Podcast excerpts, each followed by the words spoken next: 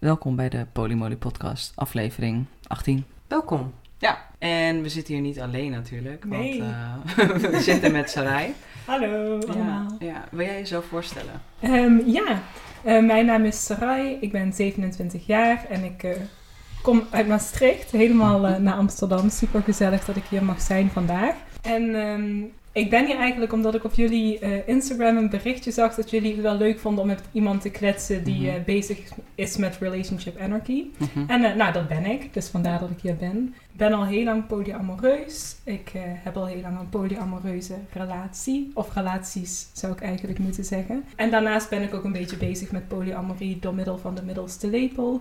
Dat is een projectje waarin ik dingetjes maak en dingetjes post die te maken hebben met polyamorie. Dus Nice. dat ben ik. Goeie introductie. Welkom. Dank je. Welkom. En nog heel even terug, want jij je zegt dan, je hebt eh, een project, de middelste lepel. Kun je daar nog wat meer over vertellen? Ja, ik kwam eigenlijk op het idee. ehm, ik hou heel erg van post en postkaarten en zo. En ehm, ik merkte dat er niet echt van die leuke liefdeskaartjes waren. Waarin er meer dan één geliefde, zeg maar, Mhm. bij horen.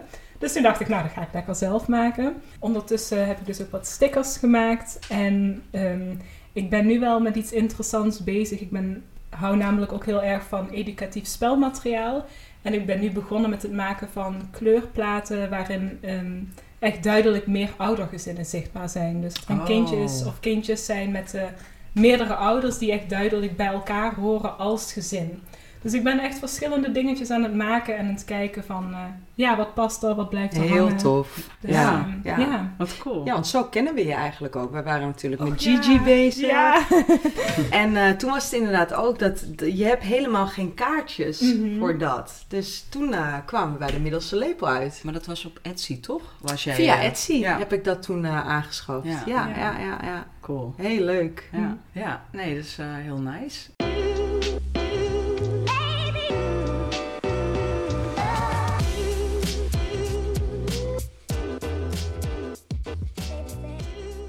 Vertel nog eens over jou, wat is zeg maar je datingsituatie nu? Ehm, ja, ik date helemaal niet. Niet dat ik er niet voor open sta, maar ik ben super polysaturated. Maar mijn relatiesituatie is dat ik één partner heb die ook mijn nesting partner is. En daar woon ik zes jaar, nee, vijf jaar mee samen. En ik ben ongeveer zes jaar met hem. Dan heb ik nog een andere relatie. Hij heet Gerard. En daarmee ben ik ongeveer een anderhalf jaar samen. En dan heb ik ook een hele leuke nieuwe verse relatie. Zij heet Michelle. En daar ben ik ongeveer vier maanden mee samen. Oké. En ehm, dit is echt precies zeg maar een soort van voor mij de verhouding waar ik altijd van gedroomd heb qua relaties. Mhm. Dus nu voel ik me helemaal tevreden en ben Mhm. ik helemaal aan het settelen met deze drie mensen. Nice. Ja. Je gebruikte net nog even de term polysaturated. Ja. Nu weet ik dat heel veel van de luisteraars dat misschien ook niet weten. Kun je dat uitleggen, wat dat is? ja, dat betekent eigenlijk wanneer je wel polyamoreus bent, maar niet per se heel veel behoefte voelt om nieuwe relaties aan te gaan of te Mhm. ontdekken.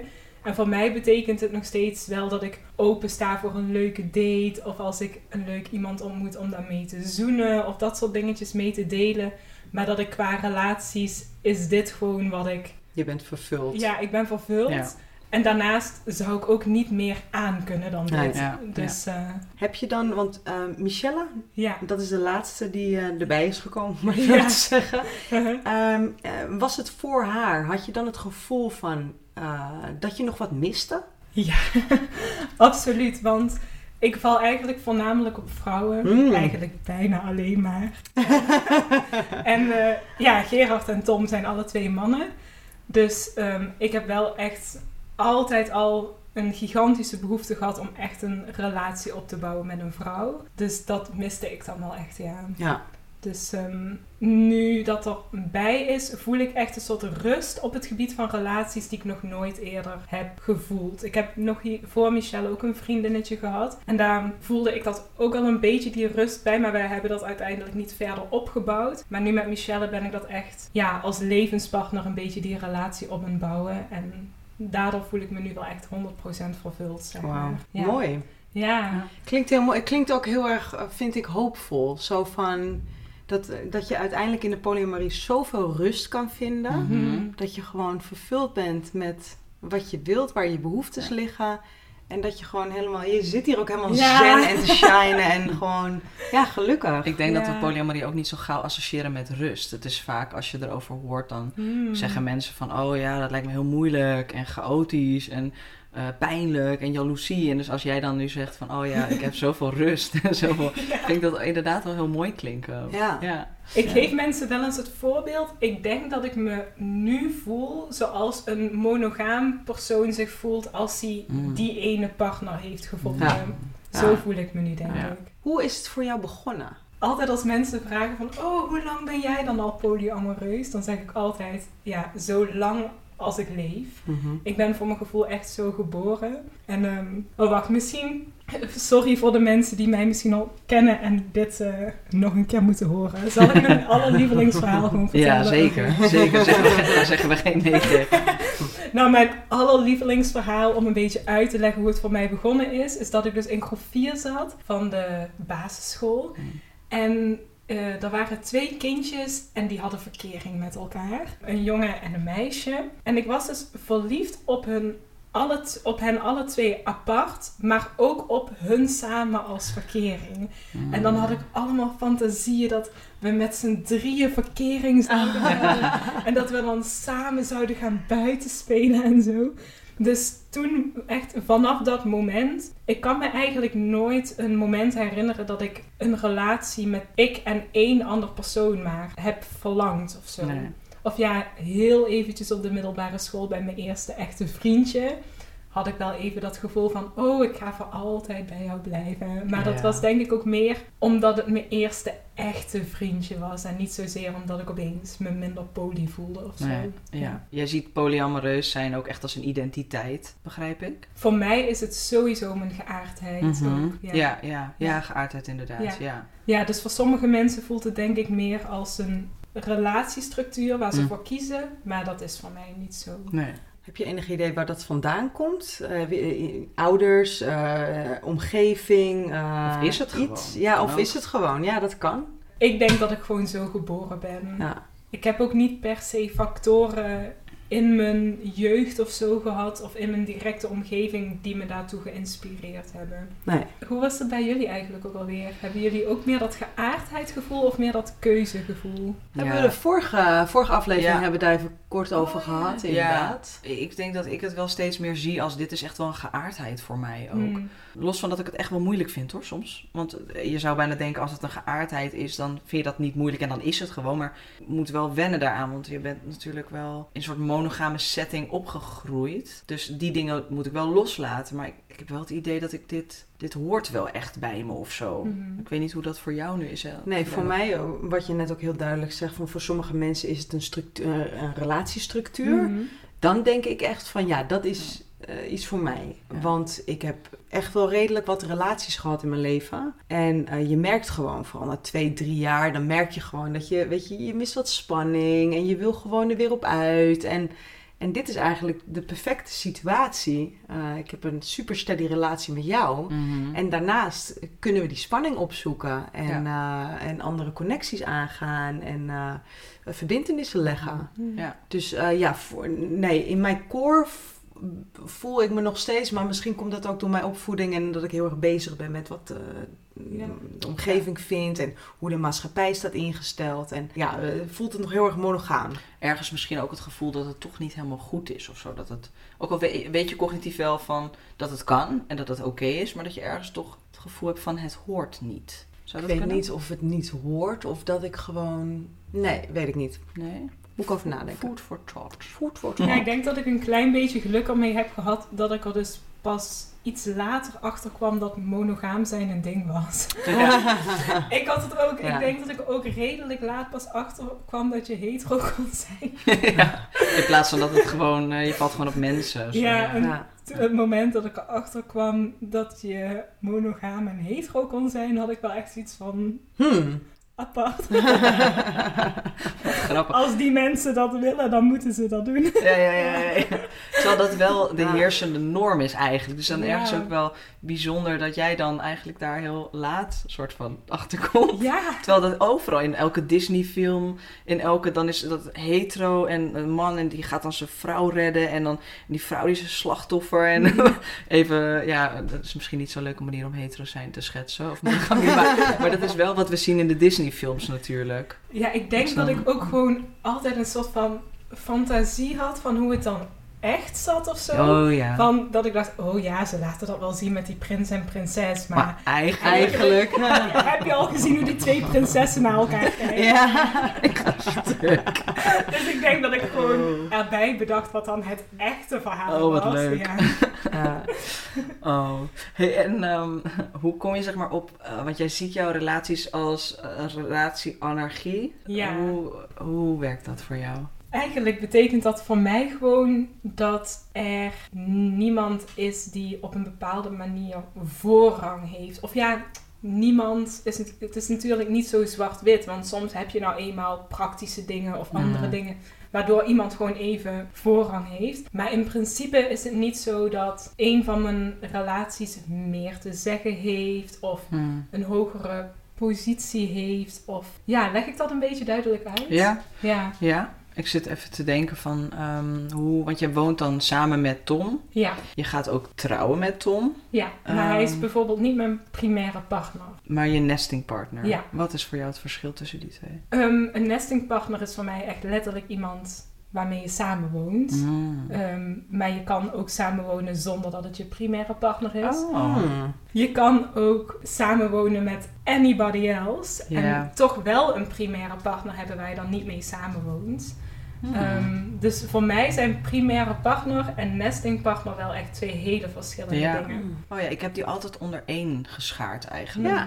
Zo van je nestingpartner is ook je primaire partner, maar dat hoeft natuurlijk niet. Nee, maar ik vind het wel, als we het dan over anarchie hebben, waarin je dus iedereen gelijk stelt, Mhm. dan vind ik het dan wel weer fascinerend dat je toch het woord primair gebruikt. Nee, dat gebruik ik dus Nee. oh, niet. nee, nee, niet. zijn oh, nee. oké. We Het hebben is het gewoon even erover. Oké, Ja. het is dus eh, eh, Tom is je nestingpartner. Je, Ja. het, het hele woord primair dat valt erbuiten omdat dat weer aangeeft eh, iets hiërarchisch. Ja, precies. Dus dat hebben wij Mhm. alle twee niet. Nee. Oké. Ja. Het is grappig hoe soms samenwonen als een soort van indicatiefactor daarvoor werkt. Want dat voor mij persoonlijk, als ik met iemand samenwoon, heeft dat ook te maken met praktische redenen, eh, financiële redenen. Een heleboel redenen die allemaal niet echt met de liefde te maken hebben. Mhm. Dus het zou ook voor mij prima zo kunnen zijn dat we een tijdje op een andere plek wonen. Ik ben nu ook een heel klein beetje voorzichtig met Michelle aan het proef samenwonen, omdat ik Mm. heel graag 50-50 wil samenwonen. Mm.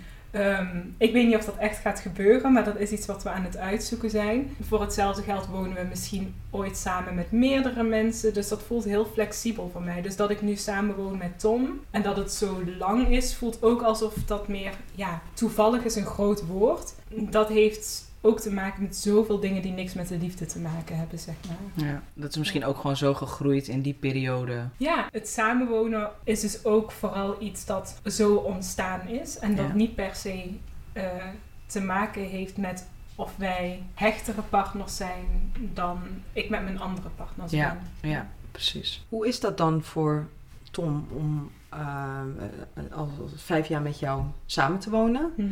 En dan ben je nu toch eh, dat je denkt van nou, misschien wordt het wel 50-50. Dat lijkt me voor hem ook wel een hele overstap. Hij vindt het echt super fijn. Ja? Want wij zijn alle twee mensen die ook wel echt fijn vinden om alleen tijd te hebben. Mhm. En we zien elkaar ook heel veel, want ik werk vaak thuis, maar hij werkt elke dag thuis. En Mm. het zou voor hem juist ook wel heel fijn zijn als ik er gewoon af en toe niet ben. Ja, ja, ja. Ja. Ik moet dan ook gelijk denken, hoe werkt dat dan financieel? Ga je dan bij beide de helft? Dat lijkt me erg duur. Ga je dan... Ja, ik denk dat ik dan, dat moet, dat is echt nog wel een vraag voor later. Maar ik zie nu wel een beetje voor me dat ik dan bij Tom nog steeds wel de helft of 40% of zo. En dan op die andere plek ook iets, een deel zeg maar. Ja. Maar dat moeten we nog uitzoeken allemaal. Ja, Ja. dat zijn allemaal van die praktische dingen. Daar moet ik dan gelijk Ja. aan denken. denk ik, oh ja. Hoe Ja. gaat dat dan in zijn werk? Ja. Ja. Ja, net als met emoties en, en dynamieken die je dan steeds opnieuw bespreekt, zijn dan praktische dingen ook dingen die je steeds opnieuw moet bespreken. Ja. Het is eigenlijk wel grappig dat je het zegt, want Tom en ik hadden laatst, omdat onze mijn werksituatie weer een beetje veranderd was, echt een hele nieuwe structuur gemaakt rondom de klusjes. Helemaal opnieuw verdeeld, ingepland. Wie doet het in de eerste week van de maand? Wie doet het in de derde week? Bla bla bla bla.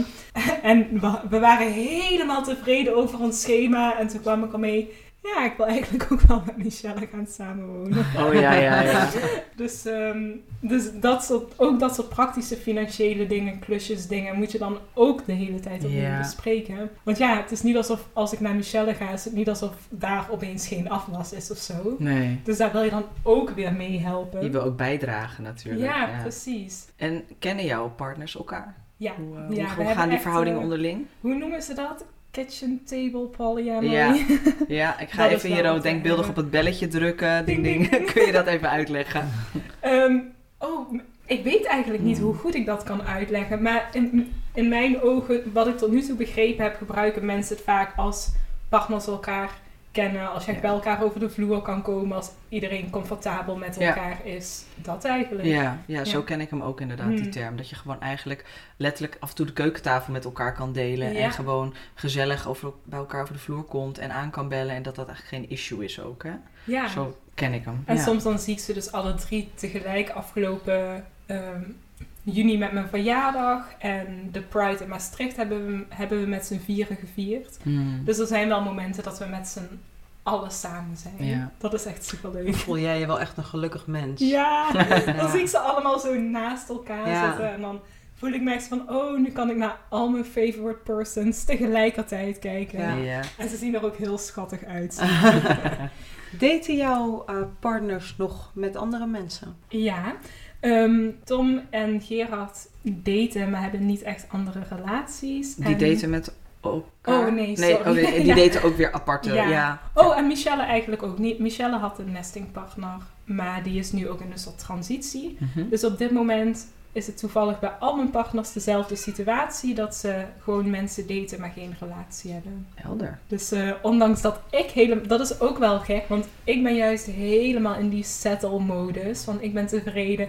Terwijl zij juist helemaal aan het daten zijn, dingen aan het uitzoeken zijn. Oh ja. Dus soms zitten we wel een beetje in andere mindsets, zeg maar. Ja. Ja. Ja, want dan vraag ik me eigenlijk meteen af. Op het moment dat bijvoorbeeld Michelle toch nog iemand gaat daten Mhm. en eh, daaruit toch weer een relatie kan halen, Ja. dan verandert er dus ook weer wat voor jou. Terwijl je nu helemaal eh, voldaan bent in Mhm. alle liefde die je ontvangt, dan krijg je daar weer, ik noem het even een, gat. Want je bent nu helemaal voldaan Ja. en dan, dan gaat er tijdsgewijs, gaat er toch iets minder naar jou en dan eventueel naar een ander. Ik denk dat het wel meevalt, omdat het in haar geval ook is dat ze wel uit een andere relatie komt. Dus ik ben het wel gewend dat door Mm. andere mensen heel veel Mhm. aandacht krijgen en zo. En ze heeft ook heel veel vrienden en hobby's. Dus ik denk niet per se dat dat dan minder wordt. Nee. Maar het kan wel altijd gebeuren natuurlijk.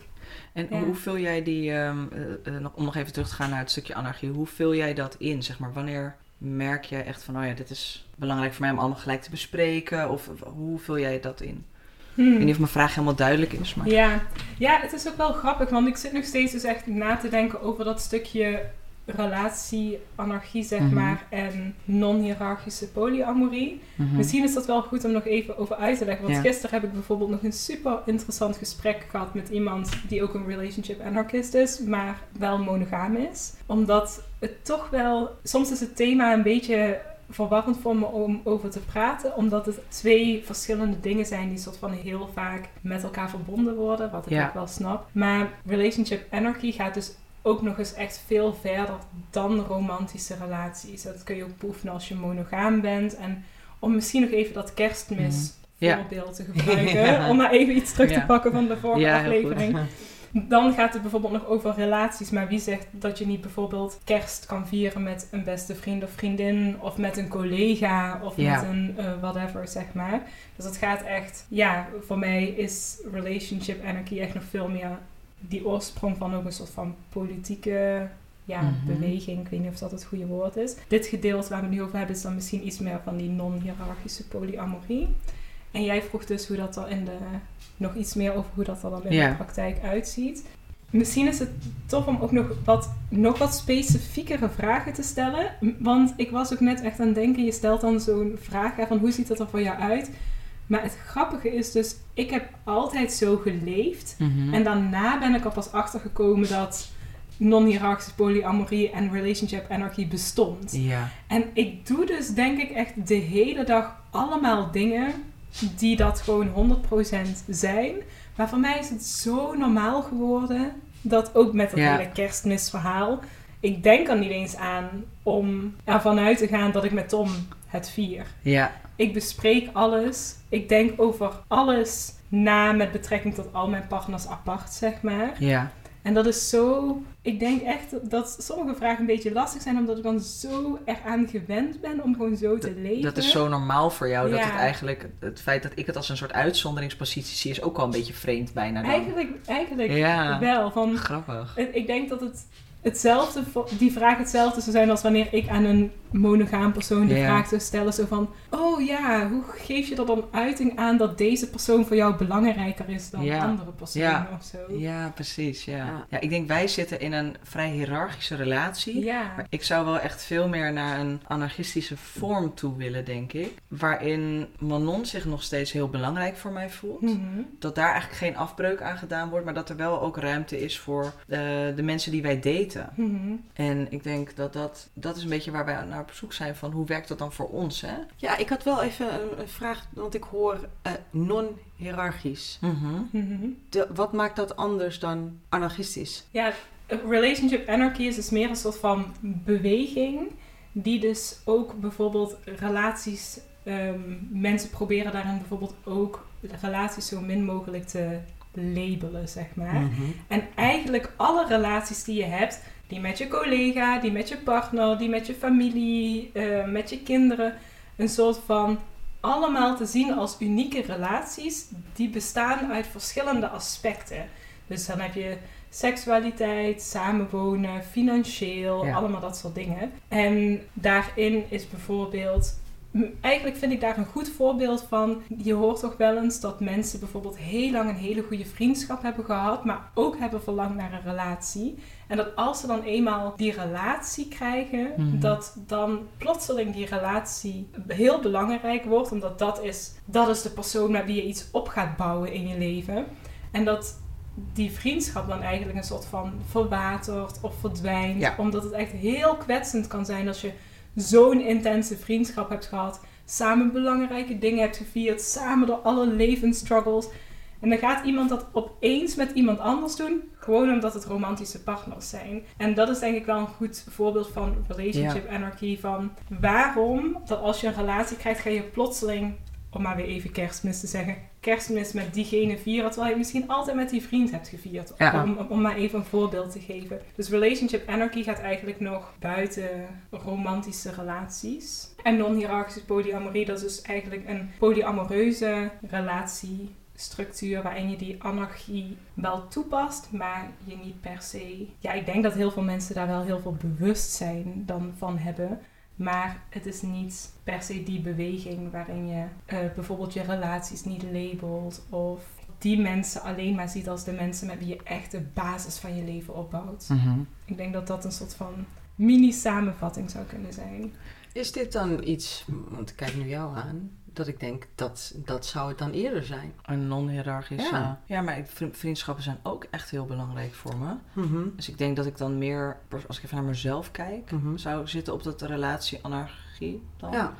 Om, ja, ik vind vriendschap gewoon heel belangrijk. Is dat überhaupt mogelijk dat je in een relatie eh, verschillende denkwijzen hebt over, nou, Nou ja, blijkbaar is het mogelijk, want wij zitten hier nu met, met die mogelijkheid, toch? Ik weet niet hoe jij... ja, nee, maar ik ik vraag me af of daar dan uiteindelijk wrijving aan ontstaat. Ligt eraan, denk ik. Als je beide heel erg willing bent om de middenweg op te zoeken daarin, wat voor, voor allebei werkt, Ja. dan, dan is dat... Ik denk ook niet dat er... Sowieso met polyamorie, er is niet een manier om het per se goed te doen. Er zijn Mhm. zoveel manieren van goed doen.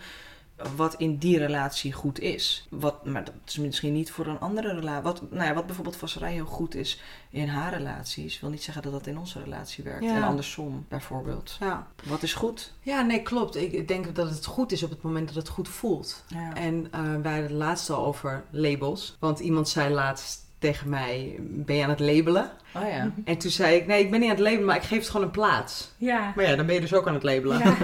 Dus dat, eh, toen was ik heel erg bewust van mezelf. Dat ik dacht, oh, maar Ja. ik denk dat ik dat ergens dus heel veilig vind. Mhm. Om mensen in, eh, in hoekjes te plaatsen. Mhm. Zo van, oké, Ja. dit, is, dit is duidelijk, dit is de structuur. Ja. En Ja. ik denk dat dat is wie ik ben. Ik Ja. hou van structuur, ik hou van orde, ik hou van regelmaat. Ja, het was naar aanleiding van, jij had een, een date gehad met iemand en daarvan had je zoiets van, dit, dit is voor mij meer een vriendschap. En dat sprak je Mhm. toen uit. En toen zei die persoon van, ja, zo voelde ik het ook wel, maar... Ik hang er geen ik label hang er aan. geen label aan. Mhm. En dus dat was een, een beetje de context van dat gesprek wat Ja. jij had. En toen ben jij heel erg na gaan denken over die labels. inderdaad. Ja, Op zich, een label is ook niet per se slecht. Het, het ligt er, ja, ik label ook wel. Ik vind het wel fijn om, om een soort eh, duidelijkheid te hebben in die relaties. Maar dat wil niet zeggen dat als ik nu een vriendschap heb met, eh, met nou ja, laten we zeggen, mijn beste vriendin. Ik zie het niet voor me, maar het wil niet zeggen dat ik over drie jaar niet verliefd op haar zou kunnen worden en seks zou kunnen hebben met de bewijs van. Het, alles is veranderlijk. Alleen voor in het hier en nu vind ik die labels wel prettig. Is dat slecht? Nou, ik denk het niet.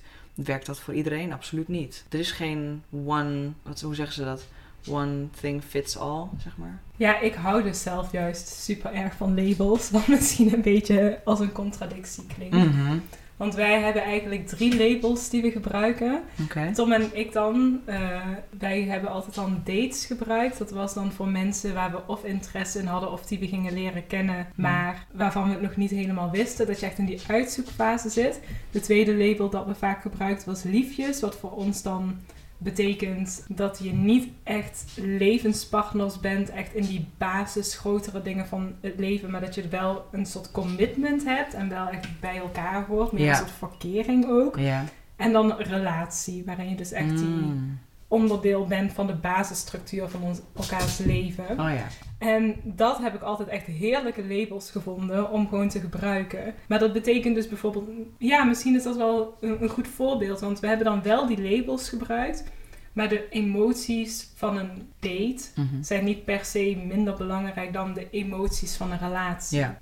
Hey, en jij gaat trouwen met Tom. Ik Ja. denk voor veel mensen is trouwen ook al een beetje gek in de polyamorie. Ik ze, Ja. trouwen? Hoe kijk jij daarnaar? Wij wilden heel graag een, sowieso onze liefde vieren. We houden ook heel erg van magie en rituelen. En eigenlijk zijn we denk ik van een hele andere invals ingestapt. Want ik was veel over trouwen na aan denken. En je maakt als je trouwt echt een belofte. En ik maak eigenlijk bijna nooit beloftes. Zelfs geen kleine. Ik beloof eigenlijk gewoon bijna nooit iets. En het leek me opeens een heel mooi idee om iets te kiezen wat ik aan iemand zou beloven. En om daar echt die ervaring te hebben van hoe het is als je iets belooft en daar ook echt voor altijd je commitment aan houdt. En toen heb ik eigenlijk met Tom dat ook besproken. En toen hebben we eigenlijk afgesproken dat we dat wel een hele mooie ervaring zouden vinden. En dat we alle twee iets zouden bedenken wat we aan elkaar wilden beloven. Dat hoeft ook niet per se hetzelfde ding te zijn. En dat we echt het commitment wilden maken om aan die ene belofte, om daar echt altijd trouw aan te zijn. Om echt die ervaring te hebben van hoe dat is om je je hele leven ergens aan te binden. Zo is eigenlijk het idee van trouwen begonnen. En daarna kwamen ook wat meer de praktische en Mhm. de wettelijke dingen om de hoek kijken. En wij willen sowieso niet, om maar even normaal tussen aanhalingstekens, eh, voor de wet trouwen. Mhm. En wij zijn op dit moment aan het kijken om zeg maar een combinatie te maken tussen een volmachtiging en een levenstestament. Omdat die iets meer ruimte bieden voor iets meer mensen. We zijn nog uit aan het zoeken wat die ruimte precies is en hoe we dat dan willen vastleggen. Mhm. Maar we zijn eigenlijk een beetje op zoek naar, stel je voor, er gebeurt iets en er komt iemand in coma of ziek of eh, whatever. Dat we wel vast hebben gelegd hoe we willen dat er keuzes worden gemaakt. Ja. Ehm, dus we zijn een beetje voorzichtig alles op aan het zoeken en aan het kijken hoe we toch legaal dingen vast kunnen leggen waarin er nog ruimte is voor andere mensen. Want als je op de normale tussen haakjes manier trouwt, dan is dat natuurlijk niet. Ja, je kan in Nederland maar met één persoon trouwen. Ja. Tenzij je in Alabama, Texas woont, kun je het geloof ik meer. eh. maar in Nederland kun je maar met één persoon eh, ja, trouwen. ja, want we gaan binnenkort nog niet naar Texas verhuizen. Nee, Dus precies. het staat niet op de planning Nee, in ieder geval. nee. Dus Ja. die volmachtiging en een levenstestament stelt je eigenlijk in staat om je te verbinden bij Mhm. wet met meerdere mensen. Wat met trouwen niet mogelijk is. Ja, Ja. precies. En daar zijn natuurlijk ook wel limieten aan. En in sommige gevallen is er natuurlijk bijvoorbeeld dan één iemand die op nummer één staat. En dan is er, om het zo maar te zeggen, een reservepersoon of zo. Dus wij zijn op dit moment eigenlijk aan het zoeken naar wat het meest gelijk is. En dat is eigenlijk nog redelijk onmogelijk, voor zover als ik weet. Ehm, maar toch zijn we een beetje aan het zoeken naar wat het dichtste in de buurt komt bij hoe wij het zouden vinden passen. Ja. Hey, en op het moment dat je zo'n volmachtiging neemt, ik weet niet wat neem, maar ja. Ehm, eh, los van dat je dat met meerdere mensen kunt doen, wat, wat zou het je kunnen bieden? Waarom zou je zeg maar voor een volmachtiging kiezen? Wat, wat, wat kan je daarmee? Oh ja, je hebt dus verschillende gebieden waarop je iemand kan volmachtigen. Mhm. Dus ook bijvoorbeeld financieel, maar voor mij gaat het echt, voor mij persoonlijk gaat het vooral om medische keuzes. Dat als, eh, als er iets gebeurt, ehm, ik denk als ik me niet vergis, zouden op dit moment mijn ouders dan de meeste rechten hebben, Ja. om het zo maar te zeggen. En ik zou het prettiger vinden als dat een van mijn, ja, mijn partners zouden zijn. Ja, ja, die kent jou op dit moment zoals je nu bent en niet als kind Ja, natuurlijk. Dus die kent jou als volwassen vrouw. Ja, ja, Ja, ja. ja, dat was een van de redenen dat ik ook Manon ten huwelijk vroeg. Uh, Mm. Ik wilde eerst eigenlijk helemaal niet trouwen. ja. Omdat ik, ja, ik zag gewoon de logica daar echt niet van in. En ik wil ook niet zeggen dat ik per se hele goede ervaringen heb met, getrouwde mensen, om maar zo te zeggen. Maar op een gegeven moment dacht ik wel, ja, wat nou als er iets gebeurt met mij of met haar? Ja, dan, dan wil ik daar wel iets over te zeggen hebben. En nu vertrouw ik Manon haar familie duizend procent. En is daar, zal dat echt wel een gezamenlijke beslissing worden, zeg maar, als er wat met haar gebeurt. Maar ik wilde daar toch ook wettelijk wel iets in te zeggen hebben. Dat, dat, ik, ja, dat, ik, dat mijn stem geldt eigenlijk omdat ik haar ken als vrouw en eh, haar ouders haar kennen als, vooral als kind. Mhm. Ik weet niet, was een tijdje geleden was er ook iets. En toen waren jouw zussen heel erg verbaasd over iets. Wat, wat voor mij heel normaal was bij jou. Ik weet niet meer Mhm. wat dat was. En toen dacht ik, ja, zie je, dit is, ik, ik weet hoe zij denkt en hoe ze... Ja, Ja. ja we hebben heel Ja, ik denk ook op het moment dat ik nu eh, eh, bijvoorbeeld een herseninfarct zou krijgen. Ja. En de vraag is van, eh, ga je zwaar invalide het leven verder? Ik denk dat mijn ouders, nou, ik weet het niet zeker, dit gesprek heb ik nooit gehaald, maar kosten wat het kost zegt. We houden er in leven. Hmm. Het komt, het komt wel goed. Misschien interessant om dat gesprek een keer met ze aan te gaan. Maar jij weet, ja. Echt niet. Nee, Nee, ik kan echt wel leven met, met een gedeeltelijke verlamming, maar Ja. weet je, ja. Ja, je want weet ik- wanneer ik het niet zou willen. Ja, precies, ja. En dat ja. geeft me een heel erg veilig gevoel. Ja. ja, dus het gaat ook inderdaad over veiligheid en geborgenheid en gezien en gekend worden. Dus dat, Maar is dat ja. dan zo dat als jullie op de normale manier trouwen, dat jij dan alle rechten hebt? Leggen jullie Ja, daar nog wat speciaals van vast? Want ik had soms ook wel gelezen dat als er dan bij bepaalde dingen, volgens Mhm. mij ligt het er ook aan wat er gebeurt en hoe beslissingsonbekwaam je dan bent. Mhm. Eh, volgens mij zelfs als je getrouwd bent en er iets met iemand gebeurt, maar die leeft nog wel, hebben de ouders volgens mij nog steeds, Nog steeds, eh, ja. een, een stem, zeg Ja. maar. Ja, ik denk door het gesprek wat ik met jou erover had, want we doen Ja. natuurlijk aan de podcast, voordat we een podcast met iemand opnemen, altijd een klein voorgesprekje. Dat doe Mhm. ik alleen met, zodat Manon echt wel blanco erin staat nog. Toen ik jou erover sprak, dacht ik, verdomd, ik heb hier nooit zo bewust over nagedacht. Wel dat ik het graag wilde, omdat ik me graag wil verbinden aan Manon, die belofte inderdaad. En, eh, en ik wilde liefde vieren natuurlijk. Maar toen jij het had over die volmachtiging, dacht ik, wow, er zijn eigenlijk veel meer opties Mhm. dan degene die ik ken. ja. En inderdaad, wat je nu zegt, denk ik, ja, als, als dat nou mijn reden is, maar blijkbaar is dat dus Ben ik alleen er ineens in. ben ik alleen van mijn geld getrouwd straks. Ja. Nee. Ja, aan mijn kant hoef je niet te zoeken. Welkom in de zorg. Maar dat is ook best Ja. wel ingewikkeld. En ik denk dat ik juist hieraan merk Mhm. hoe. Dit is ook weer zo typisch zo'n onderwerp waarin mensen die dan een andere relatiestructuur of een. Ja, hebben. Ja, dan ga je gewoon trouwen. en Het is gewoon wat het is. En je denkt er niet over na. Nee. Soms denk ik echt zo van, huh, iedereen is maar gewoon aan het trouwen. Ben ik de enige die dit heel ingewikkeld vindt? Ja. En niet snapt waar je precies wel en precies niet voor tekent Ja. en zo. Ja. Maar ik denk dat heel veel... Ik had het laatst ook met een andere vriendin, die was ook getrouwd en die wist dat soort dingen eigenlijk ook helemaal niet. En toen dacht Nee. ik, oh, dat is best wel raar, want je bent letterlijk gewoon getrouwd. bent En je weet niet ja. eens wat voor een effect het precies wel en niet Ja. weet als iets Ja. je overkomt. Wat dat echt, Ja. echt inhoudt. Ja. Ja. Ja. Ja. Heel interessant. Ja, ik vind het ook heel interessant. Hmm. Misschien toch een, eh, een andere kant op kiezen dan. Nou Maar- ja, laten we in ieder geval de opties beter Ja. onderzoeken. Dus dat, dat heeft wel dit gesprek wel voor mij dat ik dacht, oh, oké. Ja. ja. Ja, of een levenstestament, dat is dan ook Ja. iets anders. Ja, precies. Ja. Ik ga nog even naar het meest populaire topic van polyamorie. Oh, en eh, wat zou dat zijn? Ja. nou, ik denk, dan gaan we toch wel even naar jaloezie, wat veel mensen bezighoudt natuurlijk. Hoe ga je om met jaloezie? Zeg maar? wat, wat zijn je strategieën? Hoe kijk je ernaar? Wat, eh, vertel eens. Ik heb eigenlijk geen last van jaloezie, dus Hmm. ik hoef er niet mee om te gaan. Ja. Ja. En dat op zich vind ik gewoon heel bijzonder. Ja, het is echt, het is heel gek, want ehm, ik heb dus echt bijna alleen maar dat ik het fantastisch vind als dit allemaal, zeg maar. Mm. Het is niet alsof ik het, want sommige mensen denken dan, "Huh, voel je geen jaloezie, dat is toch een normale emotie of zo. Mhm. Het is niet dat ik het niet ervaar in mijn leven. Mhm. Ik voel me best wel eens ja- jaloers. Ik voel me wel eens jaloers op werkgebied. Ik voel me wel eens jaloers als bijvoorbeeld andere mensen meer tijd voor zichzelf hebben dan dat ik heb. Dus op dat soort... Ik ben wel jaloers soms in mijn leven. Ja. Valt ook allemaal heel erg mee trouwens. Maar op het gebied van polyamorie ben ik eh, eigenlijk niet jaloers. Nee, En daar heb ik ook niks speciaals voor gedaan. nee het- dat is gewoon hoe je het ervaren hebt. Ja, ja. Ja, dus ben je ook nooit jaloers geweest? Nee. Je herkent het gewoon niet in je relaties. Ik moet heel eerlijk zeggen. nu, nu komt een mini-juice, om het zo maar te zeggen.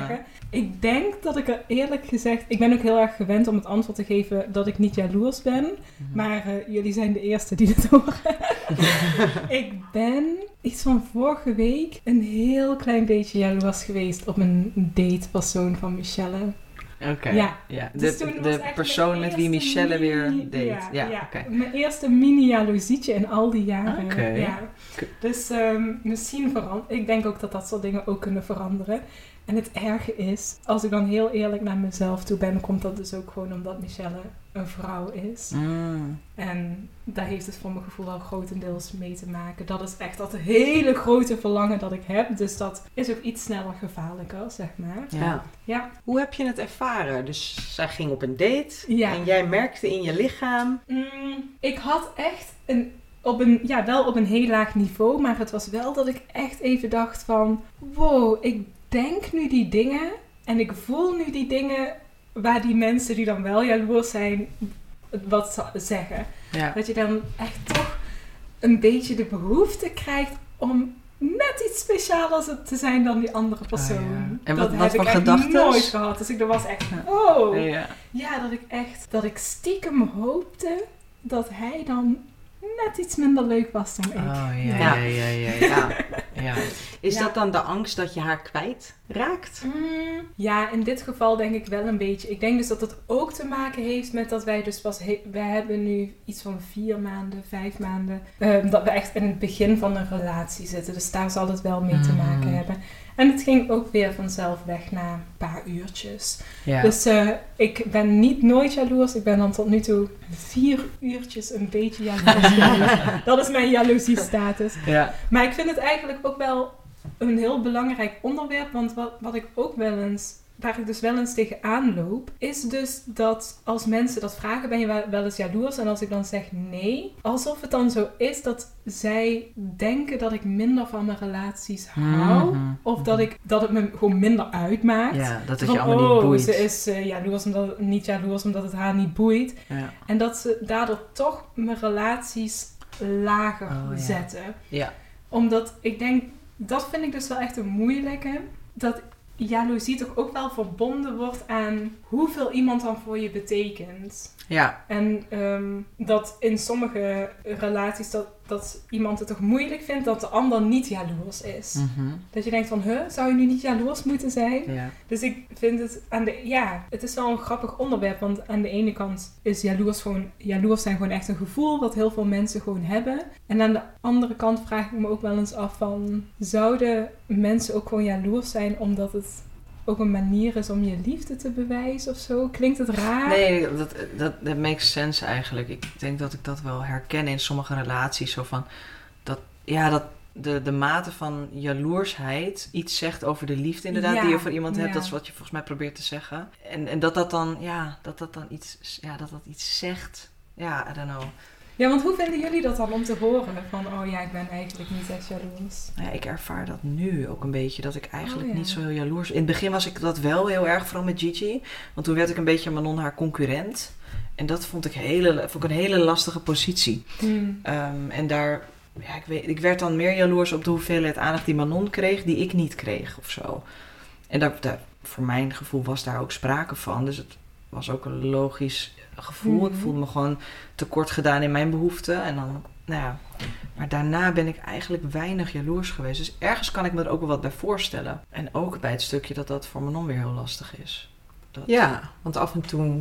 Ja, ik denk niet dat ik wil dat je jaloers bent omdat je dan laat zien hoeveel je van me houdt. Ik denk dat, je, dat ik wil dat je het ervaart omdat ik wel gewoon jaloers ben ingesteld. En je wil begrepen worden. Ik wil begrepen je worden. voelt je niet begrepen. Ja, dus op het moment dat jij Mhm. zegt ik snap je, ik snap je, maar je voelt het niet intern. Dus hoe Mhm. goed kan je me Hoe snappen? kan je dat begrijpen? Ja. ja. Hmm. Dus ik denk dat dat het stukje is. Ja. Maar als ik jou hoor zeggen, ik ben niet jaloers, ja, wat dat met mij doet, dat maakt mij instant jaloers. Dat ik dat ook wil.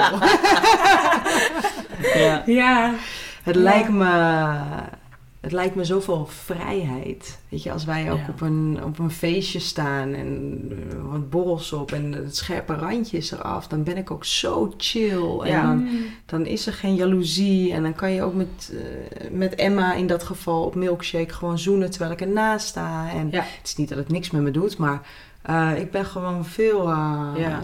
rustiger. En ja, het, op het moment dat ik echt gewoon compleet nuchter, dan schiet ik gewoon in allerlei patronen en allerlei schema's. Mhm. En dan komt die jaloezie gewoon echt keihard naar boven. Ja.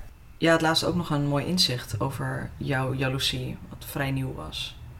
Ja, ik denk dat dat dus kwam doordat we bij eh, de praatgroep Ja. zijn geweest. Ja, praatgroep van Eva Perel. Ja. En eh, daar werd heel erg gesproken over mensen hun behoeftes. Waarin ik alleen nog maar praat, Louis doe dit en Louis doe dat. En ik ben hartstikke jaloers. Eh, werd het voor mij heel duidelijk dat ik dacht, oh ja, ik heb natuurlijk ook behoeftes. En ik moet me meer gaan focussen op mijn eigen behoeftes. Eh, waardoor ik ook tot de conclusie was gekomen met betrekking tot de jaloezie. Dat ik niet zozeer jaloers ben op eh, bijvoorbeeld nu op Emma, dat zij eh, fysiek contact met jou heeft. Maar dat ik eigenlijk meer jaloers ben om de situatie dat ik ook iemand wil met wie ik dat kan. Ah, ja, ja. Hmm. Ja. Dus toen dacht ik, oh, ja, je was niet zozeer jaloers op, op, op dat, ik dat, dat ik dat doe. En dat jij dat dan niet van mij krijgt, maar meer dat ik het wel heb en jij het momenteel nog niet zoals je zou willen. Dus het is eigenlijk iets, en dan kom je weer terug op dat stukje behoeftes. Jij hebt de behoefte, je verlangt dus eigenlijk naar een relatie of een persoon buiten mij om. En dat is er nu, die is er wel, maar misschien nog niet op de manier zoals je dat zou willen. Ja. Dus veel meer fysiek. En daar komt de jaloezie misschien meer vandaan. Ja, dus ik ben nu heel erg bezig met mijn behoeftes. Waar ligt mijn behoefte? Wat wil ik? Wat wil Mhm. ik überhaupt in mijn leven? En eh, Ja. ja, dus dat vond ik fijn. Ja. Om eventjes... eh, Ik vond het een mooi inzicht ook. Ja. En ook wel, eh, wat, dat zei jij ook nog van. We hadden het natuurlijk over hiërarchie en anarchie. En ehm, dat op zich hoeven we daar ook nog niet zo'n naam aan te geven hoe wij onze relatie indelen. Maar dat we gewoon kijken naar wat werkt nou eigenlijk voor ons. En Ja. in plaats van dat je heel erg in die, in die vaste hokjes gaat denken. En daar labelen we misschien weer wat minder graag. Misschien is het gewoon ook zoals het is tussen ons. En, en dan moeten we ons wel bewust zijn van die relatieprivileges tegenover andere personen. Wie we daten. Maar is het gewoon meer van wat willen we? Wat vinden we belangrijk? In plaats van dat je het heel erg noemt van wij hebben nu een relatieanarchie. Of wij hebben nu een hiërarchie. Nee, we, we vinden de behoeften van andere mensen belangrijk. En we kijken gewoon per situatie hoe we dat invullen. Dus veel losser. Ja. Ja, het voelt eigenlijk soms meer als een werkvorm die je kan Mhm. inzetten. En de gedachte.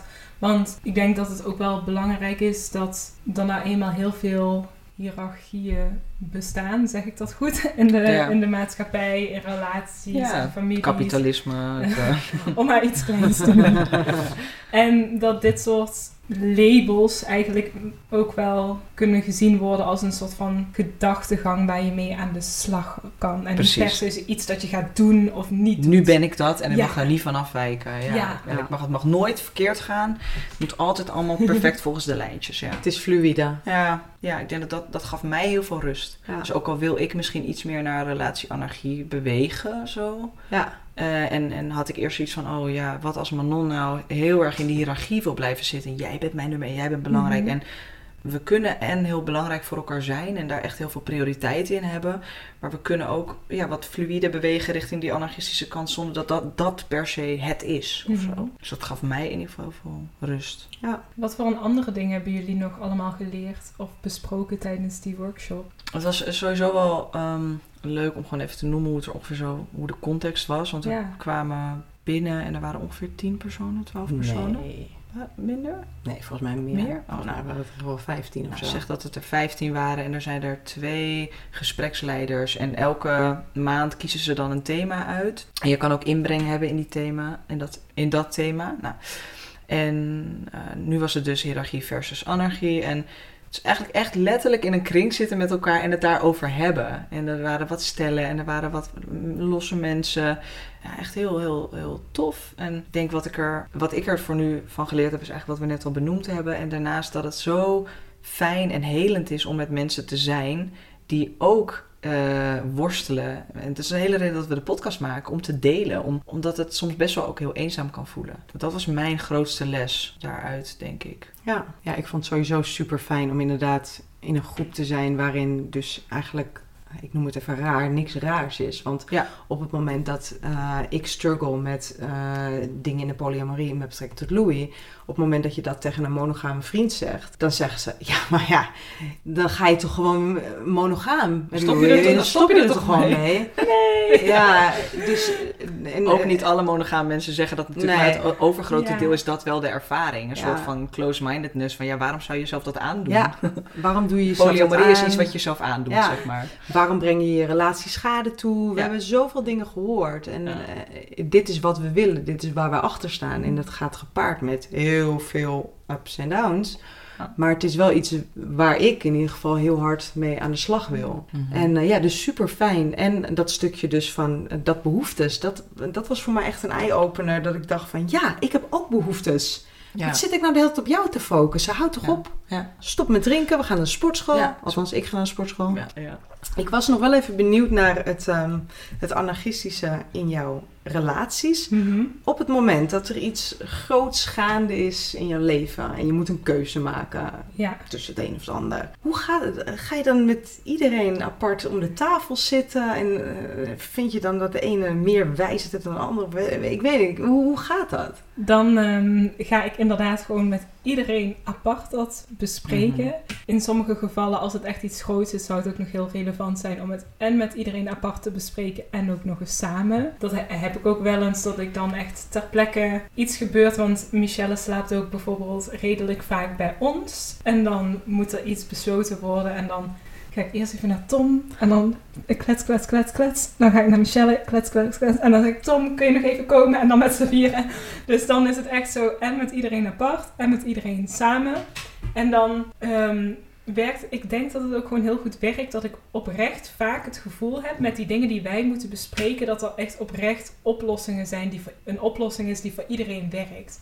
Dus dan hoeft ook niemand in te leveren. Dat is vaak ook gewoon echt zo bij ons. Dus ik weet niet of dat heel erg ligt aan juist onze communicatie. Of dat ik juist heel erg geluk heb met dat mijn partners altijd best wel goed op elkaar aansluiten. Maar daar hoeft ook eigenlijk nooit iemand iets in te leveren Nee. of zo. Wij kunnen altijd iets verzinnen wat voor iedereen werkt. Ik heb ook wel het idee dat doordat jouw partners elkaar allemaal kennen, dat ze ook wel heel Mhm. veel voor elkaar over hebben. Zo klinkt het. Zo van alsof ze daar. Ja. Ja. Ik denk niet dat ze het gevoel hebben alsof ze überhaupt iets voor elkaar over hoeven te hebben. Mhm. Het is Het is gewoon Mm. zo. Ik denk Mm. niet dat Tom vaak denkt van... Ja, dat is goed, want ik gun het Michelle ook of zo. Ja, oké. Want dan zou die gewoon zeggen, zou, zou die denk ik gewoon zeggen van... Ja, dat is op zich wel een goede oplossing, maar ik mis daar toch wel dit en dit in. Eigenlijk blijven wij vaak gewoon doorpraten totdat we iets hebben dat werkt. Ja, precies. Maar dus ook je eigen behoeften de hele tijd uitspreken. Ja. Dat is het. Iedereen focust zich gewoon Ja. op zijn eigen behoeften. Ja. Ja, En is juist misschien niet zo bezig met de ander. Ja, ik denk dat, dat dat- wel echt een, alles honderd keer simpeler maakt. Als iedereen gewoon aan zichzelf denkt, op een niet egoïstische Ja. manier natuurlijk, maar dat iedereen de hele tijd blijft uitspreken van, oh, dit is prima, maar dan mis ik dit. Of, oh, dat is goed, Mm. maar dat is een beetje te veel van dat en Mhm. dat. En als iedereen dat de hele tijd blijft doen, wij hebben dan de ervaring dat het voor ons persoonlijk altijd uitkomt op iets dat echt werkt Ah, ja. voor iedereen. Ja. Maar dan ben je dus inderdaad de hele tijd aan het checken, wat vind ik hiervan? Terwijl je ook rekening houdt met de ander. Hmm. Maar je, bent, je neemt echt die verantwoordelijkheid voor je eigen stukje. Ja, precies. That makes sense. Heb je het gevoel dat er veel tijd en energie gaat zitten in eh, het managen van al je relaties? Ja. Want ik hoor je dan heeft een en beetje burn-out eh, klachten inmiddels. Ja. Ehm, ja, het is soms echt een soort van... Voel ik me een soort van secretaris soms. Want laatst had ik dan... Dan had ik dus een maand waarin ik dan ook werkte. En ik ging ook deels bij Michelle. En dat was echt een weekend of een week, ik weet het niet meer. En daarin zag ik iedereen. En gebeurde er heel veel dingen. En dan ben ik gewoon wel echt soms... Doe ik er een uur over om überhaupt een planning te maken. En, en natuurlijk heb je dan op een gegeven moment een planning. Maar ja, dan verandert van alles. En dan kun je weer opnieuw aan die planning. Het is wel echt een soort van part-time baan. ja. Zo, op som, niet op alle dagen. Maar er zijn wel echt dagen dat ik denk van... Oké, nu heb ik echt voor de komende week of de komende twee weken... een half uur erover gedaan om met Michelle alles te bespreken. Dat moet ik dadelijk nog een keer doen, met, maar dan met Tom. Gerard, mo- moet ik eerlijk zeggen, zie ik wel een stuk minder. Maar met Gerard moet ik ook dingen overleggen. En dan als ik dat allemaal gedaan heb, moet ik ook nog eens checken of dat ook werkt als geheel, Mhm. zeg maar. Ja. Heb je dan een vaste dag van oké, elke maandag ga ik voor de aankomende twee weken dit werkvormen eh, gebruik je hiervoor? Nee, ik heb niet echt een Nee. vast Ah. systeem. Maar we hebben wel een soort van onderlinge systeempjes. Met Gerard heb ik bijna geen systeem, omdat we elkaar niet zo vaak zien. Maar met Michelle heb ik dan wel dat ik van tevoren een planning maak. En zij stuurt mij ook screenshots van haar agenda. Mhm. En met Tom heb ik ook zeg maar een gedeelde kalender. Dus dan heb ik wel een soort van vier kalenders. Oh ja. Ja. Ja. Grappig zeg. Ja, liefie. Staat je nog wat te wachten? Ja, nou, ik merkte het nu al wel een beetje hoor. Dat ik dan eh, wegging bij Emma en dat ik zei, ja, wanneer zien we elkaar weer? Laten we maar gelijk de agendas erbij pakken. Ja, Ja. maak het maar niet gewoon moeilijker dan het is. Het voelt wel een beetje statisch ergens om dat Mhm. te doen. Een beetje alsof het een soort middel is. Of van, nou, eh, we gaan dit nu even bespreken in deze vergadering.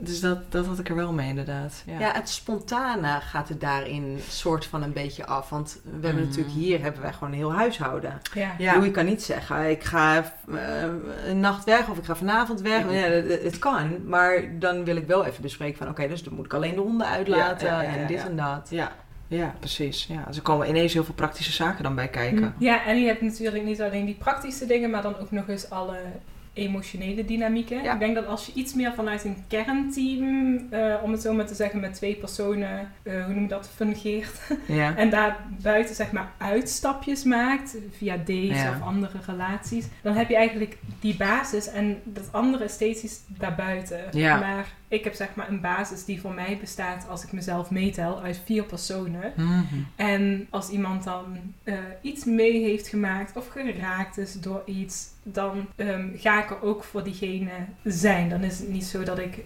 denk vanuit een bepaald groepje van twee mensen. Dus dan is het wel eens. Ja, Michelle en ik hebben gewoon veel meegemaakt de afgelopen vier maanden. En dan heb je soms emoties en dan wil je daar bijvoorbeeld over video bellen. En dan is het wel dat ik dan natuurlijk wel in huis ben met Tom. Ja. Dus dan eh, ga ik dan eerst even met hem overleggen van, goh, ik wil even een anderhalf uurtje video bellen. Ehm, dus ook op emotioneel gebied ben je heel veel dynamieken eigenlijk aan het... Ja. ehm, ja, dat herken ik inderdaad. Dat ik denk van Dat ja, doen wij wel goed. Ja. Want dat doe jij inderdaad Ja. altijd. Vind Ja. je het goed dat ik even... Ja, ja, ja, ja. Ik voel me dan wel bezwaard. Dat ik denk, oh ja, Ja. ik- maar dat is omdat ik weet dat mijn non het nog heel lastig kan vinden. ja, ja. En dan maar inderdaad even checken van, kan ik even, vind je het goed als ik een uurtje ga videobellen of uh, anderhalf uur of wat dan ook. Ja. ja. Ja. Ja, of Tom had bijvoorbeeld laatst ook een date. En die hadden ook echt wat dingen die wat stroever liepen tussen hun. Dus er kwamen Mm. heel veel emoties uit. En dan, die emoties zijn dan een soort van in mijn huis. Want hij was daar Mhm. heel veel mee bezig. En dat merkte je dan Ah, echt. ja. En dan merk je echt zo van, oké, ja, Tom is nu echt even ergens heel anders op gefocust. Ja, Dus dan ga ik even hier zitten of ik ga even dit doen. Ja. Eh, Dus dan steun ik hem. En tegelijkertijd heb ik niet de energie om die hele wrijving van het begin tot het eind elke dag steeds mee te maken. ja. Dus dan stap je er soms even in om hem te steunen. Dan stap je er weer uit om iets voor jezelf te doen. En Mhm. dan besef ik me wel heel erg van, oh ja, de de emoties van deze date, die worden in onze relatie, eh, zijn die hetzelfde als mijn emoties. Ja.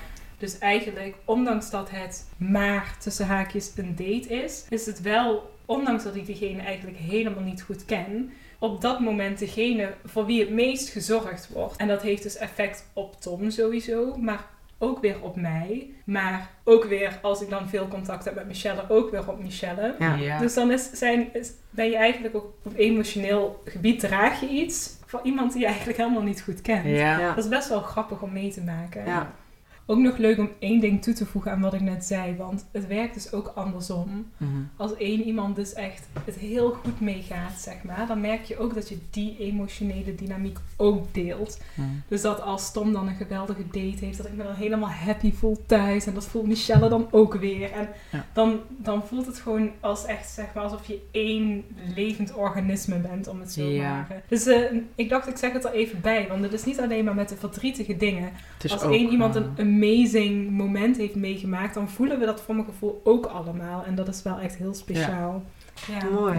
Ja. Nice. Heel mooi. Wat ik, wat ik me nog afvroeg is, ehm, op het moment dat jij verliefd bent op Michelle, Mhm. ik weet niet of je, of je verliefdheid ervaart, maar eh, op het moment dat je verliefd bent op Michelle, hoe deal je daar dan mee tegenover de anderen? Niet dat dat iets slechts is, maar meer van, hoe ga je om met die gevoelens, terwijl je ook met, met je andere partners bent? dan voel ik me gewoon echt, ja, heel fijn. Ik heb ook wel echt het gevoel alsof ik echt verliefd ben op Michelle. Voor mij is dat dan ook een gevoel dat ik niet alleen heb als ik met die persoon ben, maar wat je ook echt meeneemt in je leven. Mhm. Dus voor mijn gevoel voelen Gerard en Tom dat dan ook. En dan zijn ze heel blij voor me. En dat is gewoon super leuk, giechel, Mhm. giechel en zo.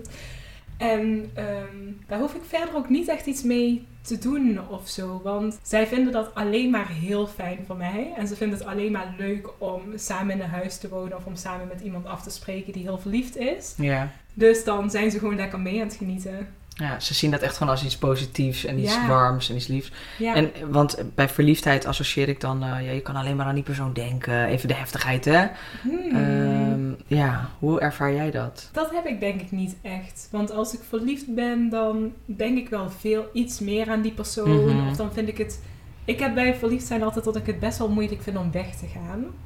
Ehm, maar het is niet alsof ik dan nergens anders meer aan kan denken. Ik ben dan nog, nog steeds heel erg in mijn andere relaties. En ik denk dat het iets te maken heeft met dat ik verliefdheid ook zie als een soort van emotie of een soort van beleving. Die je ook kan laten golven of zo. Ja. Dus ik voel me daar niet door in bezit genomen. Nee. Ik kan dan ook weer denken van ik vind stabiliteit en thuiskomen ook heel fijn. Ja. Dus dan geniet ik gewoon van de verliefdheid als ik bij Michelle ben. Mhm.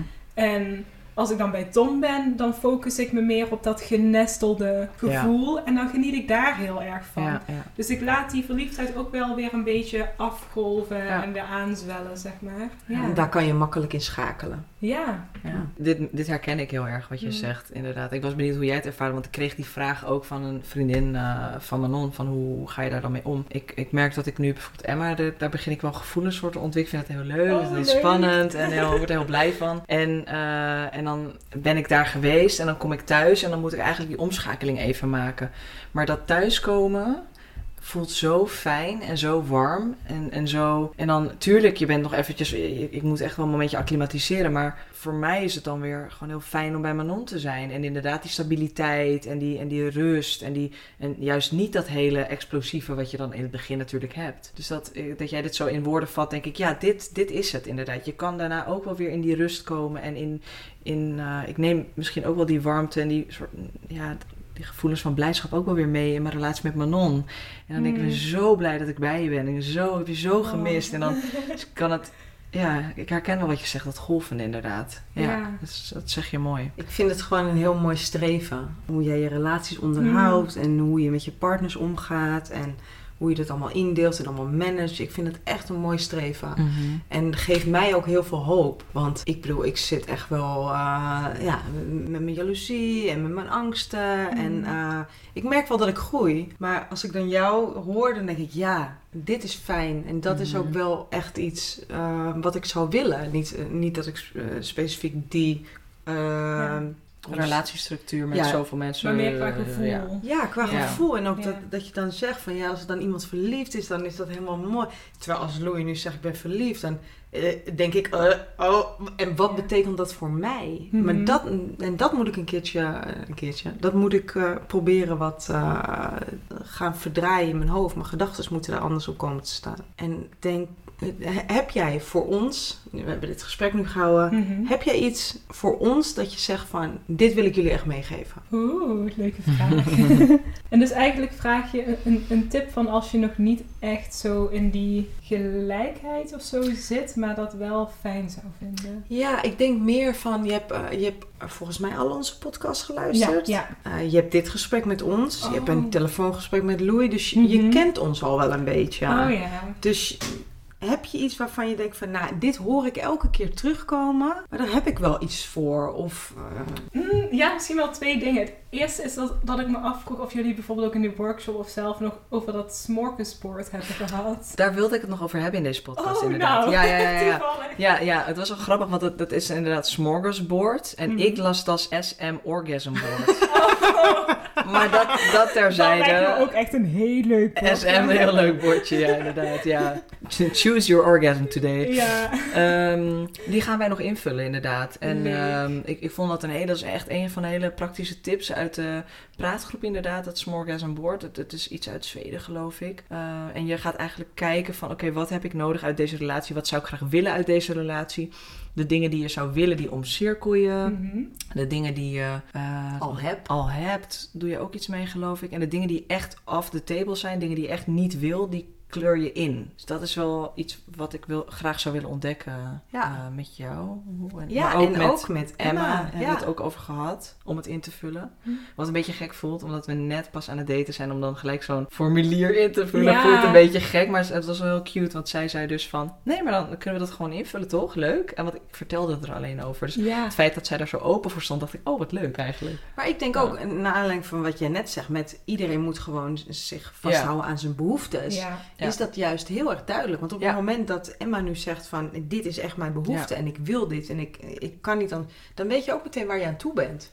Ja. Dus ik denk eh, inderdaad, op het moment dat je dit zou doen met iemand met bindingsangst, die zou Ja. echt meteen de andere kant eh Ja, wegrennen. ja, zeker, zeker. Nee, dus dat is iets Wat waar we... grappig, ja, ja. die hebben we pas geleerd, ja. Ja, en ik was nog aan het denken, omdat je net over die tip vroeg. Ik denk ook, ik weet niet of, ik vraag me af of er een verschil misschien tussen ons ook is. Ik ben niet per se bang om iemand kwijt te raken, Mhm. zeg maar. Dus ik heb het gevoel, voor, voor mij voelt liefde ook alsof er gewoon heel veel mensen zijn op de wereld met wie ik een relatie zou kunnen hebben. Waar ik echt uit zou kunnen halen wat ik echt nodig zou hebben. En ik ben ook niet bang om afscheid te nemen van een bepaald deel van een relatie. Ja. En dus dat maakt denk ik meteen een heel groot verschil. Wat ik ook niet per se een tip zou noemen, want het is meer een stijl, zeg maar. En ik denk dat ook dat het misschien nog heel belangrijk is om aan dit onderwerp toe te voegen. Sommige mensen hebben soms denk ik een beetje het gevoel alsof relationship anarchy of non-hierarchische polyamorie beter is dan hiërarchische polyamorie. En dat vind ik helemaal niet waar. Nee. Ik denk dat het helemaal perfect en mooi is als je een kern hebt van twee mensen en dan uitstapjes kan maken. Mhm. Dus als, als het iets is waar je heel graag in wil groeien, dan zou ik het diegene gewoon heel erg aanraden. Maar als je dat niet wil, is het ook gewoon goed zoals het is, Ja, zeg maar. Ja, eens. Ja.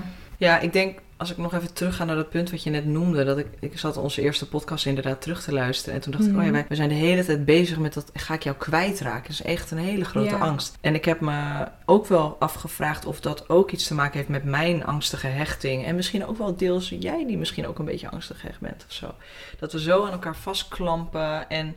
eh, jij, jij zei van de week tegen mij van ik heb het een beetje nodig om van je los te komen, als ik dat mag delen. Ja, dat mag doe je ik, delen. Dat ben ik wel aan het doen, maar Ehm, eh, en, en in de zin van loskomen van ik wil wat meer mijn eigen tijd en mijn eigen ruimte en mijn eigen, want wij doen alles samen. Mhm.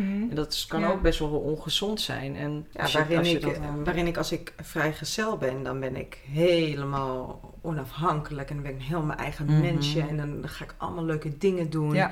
En op het moment dat ik eigenlijk in een relatie kom, dan, ja, dan smelt je weer samen. En dan is dat het, Mhm. alles bij hem draait. Dus daarin eh, heb ik inderdaad heel erg de behoefte om gewoon weer zelf te gaan sporten. Weer zelf naar festivals te gaan. Mhm. Zelf uit Wat te je nu ook aan het plannen bent Ja, allemaal. En veel ja. meer dat eigenlijk vanuit een...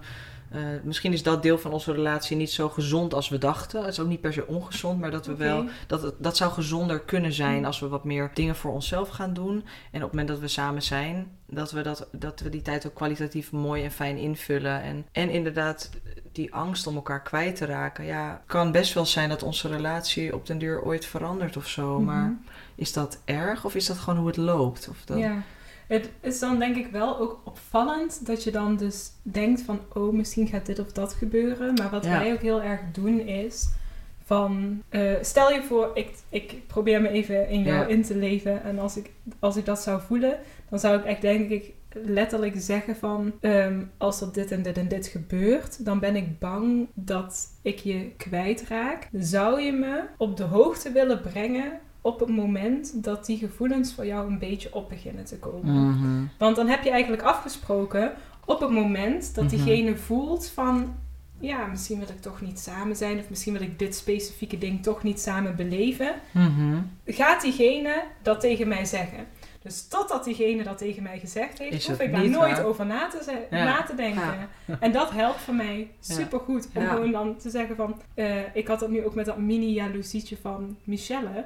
En dan zeg ik dat gewoon. En dan geeft zij mij ook wat meer bevestiging. Zou ik een Mhm. beetje op de hoogte van hoe het gaat met die persoon. Ja. Dus dan weet ik van... Totdat Michelle tegen mij begint te praten over dat ze misschien wat meer afstand wil of uit elkaar Ja. wil... Weet ik dat dat gewoon niet iets is waar ze aan denkt. En dan vertrouw je daar En dan gewoon hoef ik er zelf ook Ja. niet aan te denken. Ja, ja, ja. Dus dat maakt het wel heel Ja, simpel. Om gewoon klinkt- letterlijk aan ja. iemand te vragen van... Ja. Stel je voor dat je dat gaat voelen. Kun je me dat dan meteen zeggen? Ja. Het klinkt super praktisch en easy en dat is het waarschijnlijk ook. Dus dat, misschien is dit gewoon wel bijna too good to be true, zeg maar. Dat je, dat dan, dat je daar dan ook op vertrouwt. En dat dat... Ja, ik denk gewoon dat je, eh, dat je heel veel gezonde eh, relaties hebt gehad. eh, waarin wij misschien wat toxic relaties hebben gehad. Waardoor we toch een beetje. Eh, ja, mensen die niet eerlijk zijn, mensen die... Maar dat, Ja. die twijfel heb ik bij jou nooit eigenlijk. Ik heb bij jou wel echt het gevoel dat je me altijd alles zou zeggen. Als Ja. het, eh, dus dat, ondanks dat ik andere ervaringen heb in relaties, heb ik dat gevoel bij jou niet. Hm. Daar heb je te veel eh goede punten op de bankrekening, zeg maar. Het Ja. is trouwens ook niet alsof dit zo vanzelf is gekomen, zeg maar. Ik heb ook wel hele Ja. slechte relaties Mhm. gehad. Of ja, hele erge dingen meegemaakt, om het zo maar te zeggen. En ik heb, het heeft voor mij heel erg geholpen om in therapie te zijn. Aan Ja. de hechtingstijl te werken. Mhm. ehm, mensen de kans te geven om zich te bewijzen. Dat klinkt echt heel stom. Mhm. Maar soms als je bang bent dat iemand iets gaat doen of dat er een bepaald ding gaat gebeuren. Ja, het enige wat dat kan helen als je diegene, is als je diegene oprecht de kans geeft om te laten zien dat het anders is. Mhm. Dus ik heb er wel heel veel voor gedaan, zeg maar. Ja. Omdat, ondanks dat het ook wel echt heel erg als nature voelt van mij. Maar ik denk dat dat voor iedereen wel zo Mhm. is. Ik weet niet of dat psychologisch, biologisch correct is. maar, maar dat, ik voel me wel echt in de core alsof dit echt bij me past. Maar alsof het me ook een beetje afgenomen is. En alsof ik het terug heb gepakt, zeg maar. Mhm. Met echt allemaal tientallen van al die technieken waar we het net over hebben gehad. Non-violent ja. Marcus Board, eh, dit, dat, therapie. Gebruik je die dingen wel allemaal? Of zeg je, nou, dat gebruik ik niet meer, ik heb het zo eigen gemaakt? Of... Ik ben wel heel veel bezig met hechtingstijlen. Ja. Dat is echt iets wat blijft voor mij. En geweldloze communicatie. Ik denk dat dat voor mij echt de gouden combinatie is waarmee ik overal kom. Mhm. Ja, en ik kies er ook best wel vaak voor om mijn emoties op het moment zelf te uiten en niet te bewaren. Mhm. Maar dat is voor iedereen anders, zeg maar, Mhm. in hoeverre dat werkt of Ja, niet. ja, ja. Maar ik moet dus, ja, ik maak ook wel eens heel bewust de, de keuze van, hmm, ik neig iets meer er naartoe om dit of dit te doen. Maar als ik echt 100% vanuit dat gevoel van veilige hechting zou reageren, zou ik nu dit uitspreken of dat doen. En dan maak ik wel echt de bewuste keuze van, dat andere voelt net iets meer logisch, maar ik ga nu toch dit doen. En meestal voel ik me dan wel heel fijn daarbij. Mhm.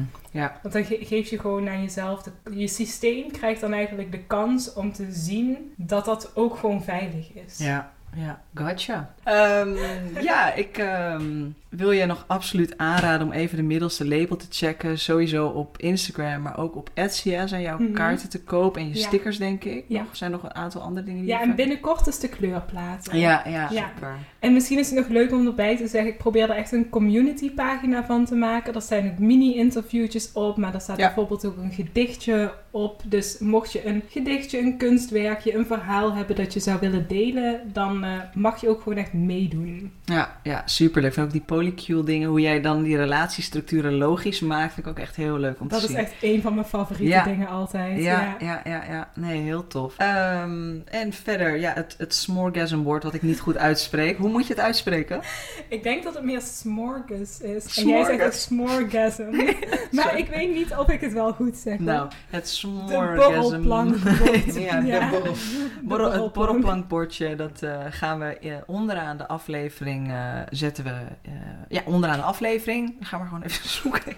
Hoe moet ik dat zeggen? Onderaan Het de aflevering. ergens. Het staat ergens onderaan de aflevering, evenals de eh, Instagram pagina van Sarai. Ehm, jij bedankt weer voor het luisteren en we wensen je een fijne dag. Doei doei! Doei. Doei.